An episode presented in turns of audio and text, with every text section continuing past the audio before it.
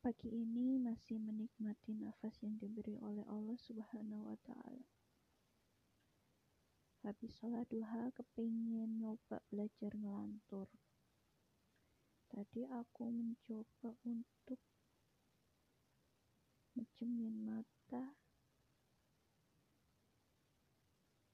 dan teringat semua hal-hal yang sangat berisik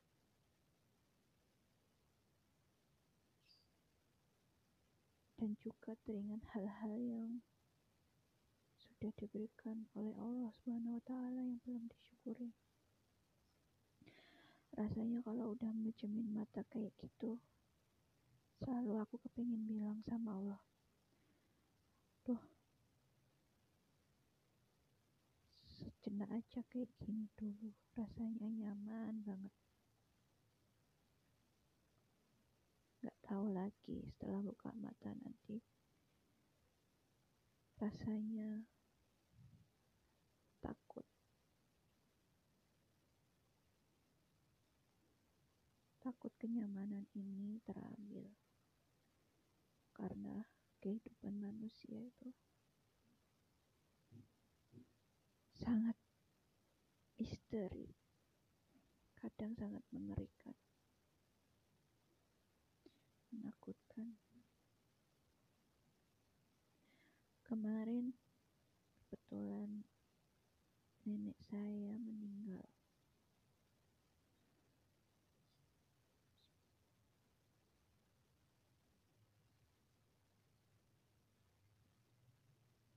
Cukuplah kematian menjadi pengingat.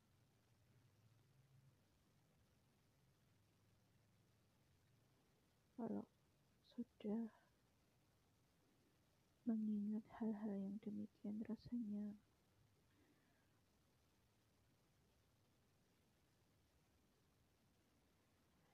rasanya kok malas memikirkan hal yang ribut-ribut dan berisik-berisik. Tadi pas sujud teringat sama orang-orang yang mungkin pernah sangat membuat sakit hati. Tapi kalau dipikir-pikir untuk apa? Untuk apa mempertahankan perasaan yang seperti itu? Semuanya itu yang ada di sini kalau akan usang.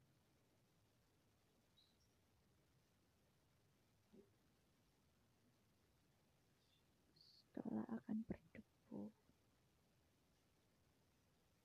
Kelak akan seperti tanaman yang layu. Gak ada yang abadi. Gak ada yang abadi. Dulu, waktu ku kecil, kebetulan rumah nenekku itu jadi tempat berkumpulnya semua cucu-cucu keluarga. Sangat ramai. Kemarin pas mau pulang, aku nyoba menatap sekeliling rumah nenek. Rasanya sudah sangat berbeda.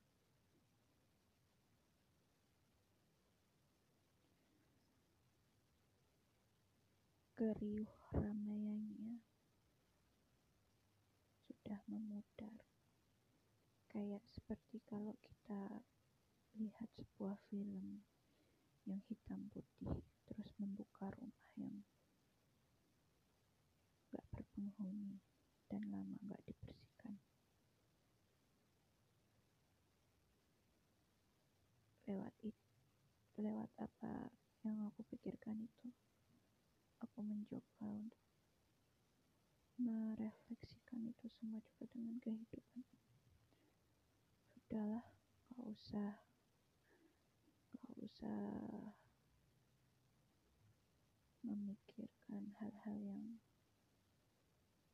tidak penting untuk dipikirkan. Gak ada yang sempurna di dunia ini. Kita pernah tersakiti, kita juga pernah menyakiti. Ikhlas, maafkan, ikhlas, Lama-lama semuanya akan menjadi nggak berarti dan nggak bermakna. Sama seperti ketika aku melihat jasad nenekku yang nggak berdaya. Seperti itulah dunia.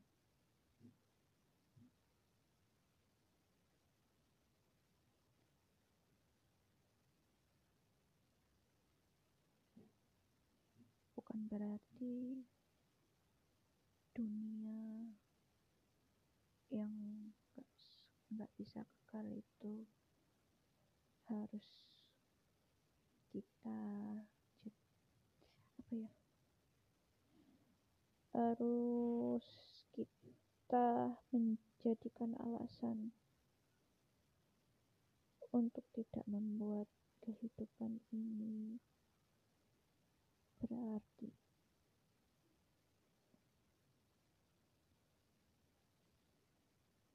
Kita haruslah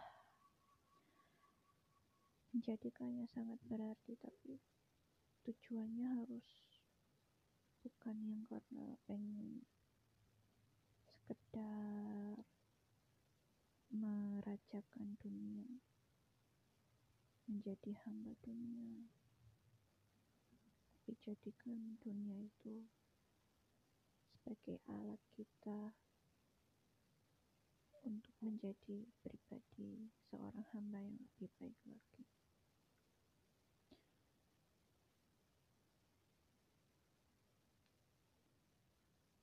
Jadikan kehidupan itu lebih baik dengan akhlak kita yang lebih baik.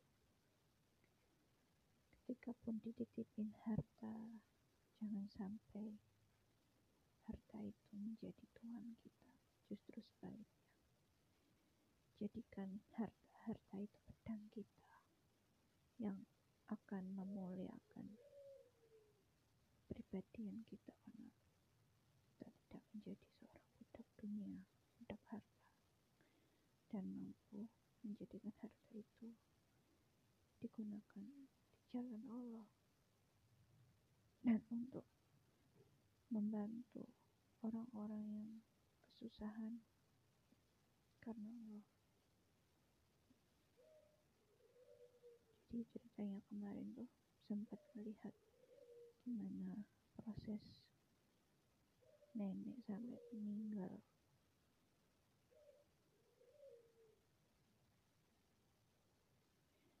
Dan ini bukan kali pertama saya menyaksikan orang yang hendak pergi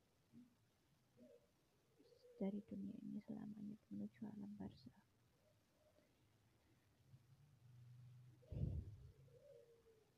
dulu almarhum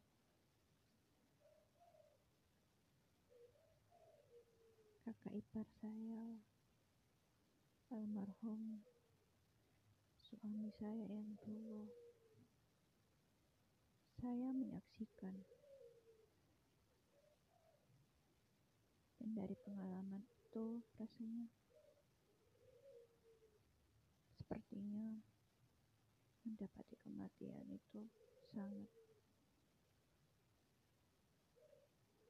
sangat sakit payah.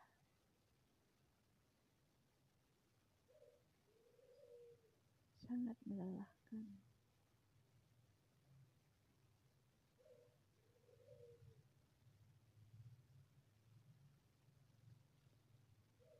mudah-mudahan kak ketika kita pun hmm, sampai batas waktu mendapati peristiwa tersebut Allah membuat hati kita tegar untuk menghadapi proses kematian tersebut proses yang sangat menyakitkan payah letih menakutkan Allah menolong kita merahmati kita sampai kita dimampukan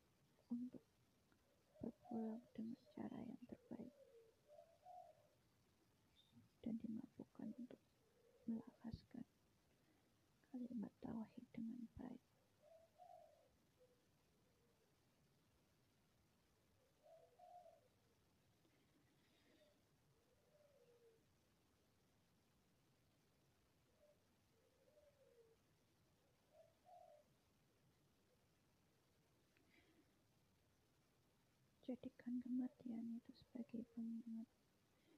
Ketika kita sudah sangat lelah dengan dunia untuk selalu bermuhasabah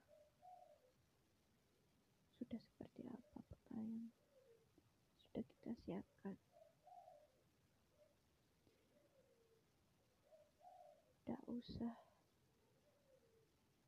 terlalu menghiraukan orang-orang yang mungkin sengaja atau nggak sengaja nyakitin kita menyinggung perasaan kita. Tapi berusaha untuk agar menjadi pribadi yang tidak menzalimi orang lain tidak suka menyakiti orang lain tidak suka mengumbar aib orang lain. Karena menurut saya kejahatan sosial yang paling jahat itu adalah kita. Kalau menurut saya, bukan mencuri, bukan membunuh, bukan tapi karena kalau orang kita itu membunuh karakter seseorang itu sangat kejam. Meskipun itu benar, tapi ternyata agama kita mengajarkan untuk agar umatnya bisa selalu untuk menahan diri dari mengumbar aib atau menjelek-jelekan orang lain meskipun itu benar kecuali dalam keadaan mencari solusi memberikan solusi. Tapi kalau hanya sekedar menggunjing untuk dijadikan mengumbar nafsu menggunjing ke sana kemari itu rasanya sangat sulit sekali. Aku pernah dengar cerita orang di YouTube. Ada orang ini aku dapat tahu sih ya dari ustadz siapa gitu lupa. Tapi dia bukan orang Indonesia ustadz ustadz yang orang barat tapi ya pernah cerita satu ketika dia mendapati seorang meninggal. Meninggal di hari Jumat. Dalam keadaan mau berbuka puasa di bulan Ramadan di dalam masjid. Sungguh banyak sekali kemuliaan orang tadi itu yang meninggal pada hari Jumat di masjid dalam keadaan puasa di bulan Ramadan lalu Ustadz tadi cerita Ustadz tadi bertanya kepada ahli warisnya kira-kira amalan apa yang menonjol dari orang ini sehingga Allah memberikan cerita kematian yang begitu indah. Kata ahli warisnya apa?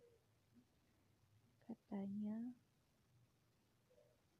orang tadi yang meninggal tadi itu adalah orang-orang yang bukan adalah orang ya adalah orang yang tidak suka ribut sama orang lain. Tidak suka marah, tidak suka ribut. Tidak pendendam, suka memaafkan. Pokoknya semua hal-hal yang berhubungan manusia, beliau sangat menjauhi dan menjaga.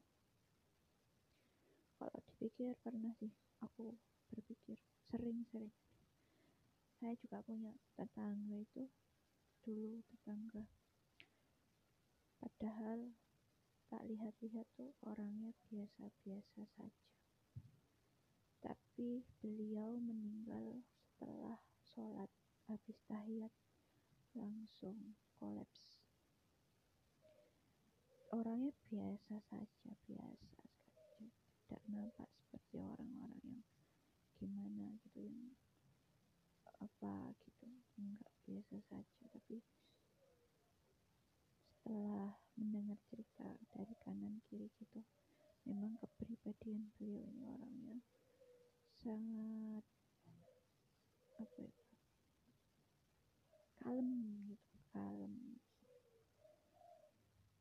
Rendah hati gak suka ribut sama orang. Mungkin ya sabar ya. Masalah sih pasti ada tapi mungkin orang itu memilih untuk selalu mengikhlaskan kalau ada orang lain buat salah lebih untuk memaafkan seperti itu. Kalem kali kalau aku sendiri sih kenapa kok yang dijadikan hmm, apa ya maksudnya kok amalan itu itu loh kok yang diceritakan. Kok kenapa enggak sering orang cerita kalau orang meninggal dalam cerita yang bagus itu kok bukan oh ternyata orang ini apa ya ibadahnya bagus oh orang ini tahajudnya kencang oh orang ini sedekahnya banyak tapi kok kenapa kok yang ditonjolkan itu malah bagaimana dia bermuamalah dengan manusia lain. Ya mungkin saja ya, mungkin malaikat itu kayak gini. Kamu kalau sama orang lain kan penyayang, sabar. Ya, malaikat pun akhirnya juga pas mau mengambil nyawanya juga mungkin gak tegaan juga makanya diberi diberikan hal yang terbaik untuk mengambil tadi karena dia juga penyayang dengan makhluk Allah. Mungkin juga gak hanya sama manusia tapi dengan makhluk Allah yang lain gak tega makanya malaikat juga gak tegaan kalau sampai mengambil nyawanya dalam keadaan yang buruk.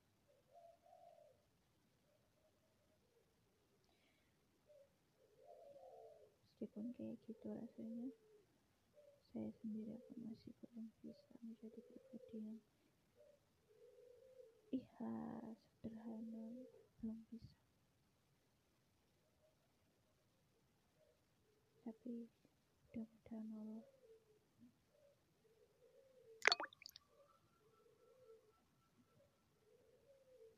mengaruniakan itu kepada saya sebelum saat saya meninggal.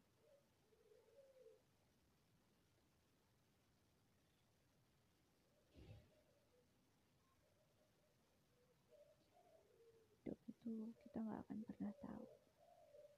Suami saya yang dulu hanya sekitar dua bulan kakak ipar saya yang dulu menjadi support terbesar ketika saya menjadi seorang janda. Sakit hanya tiga bulan. Lalu nggak ada. Tadinya yang kelihatannya sehat. Pun nenek saya yang berumur 92 tahun tidak ada cerita yang membuat keluarga itu khawatir sakit. Beliau sangat dadaan sehingga kami sekeluarga tidak begitu khawatir. Tapi ucuk-ucuk meninggal gitu aja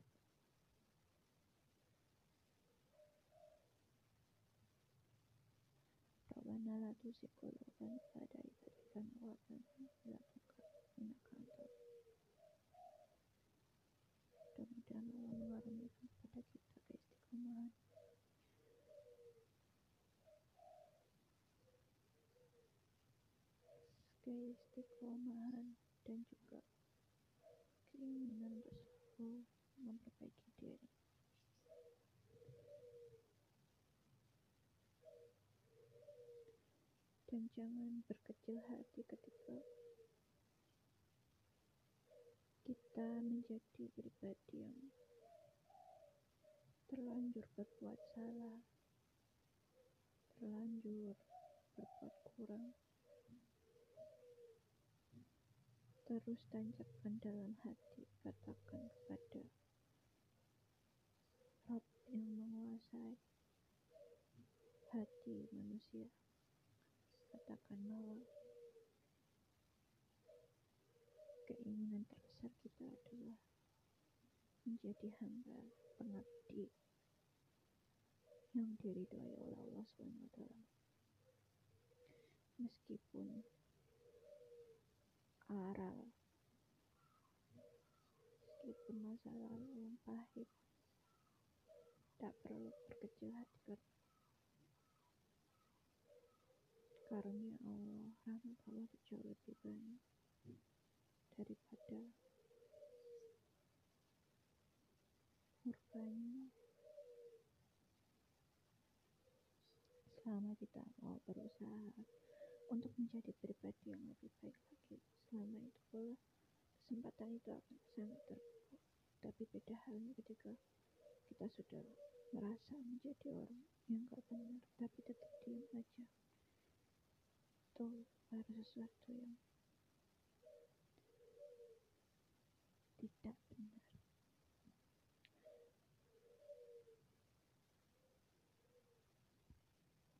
Selamat menikmati pagi. Menikmati nafas yang masih diberi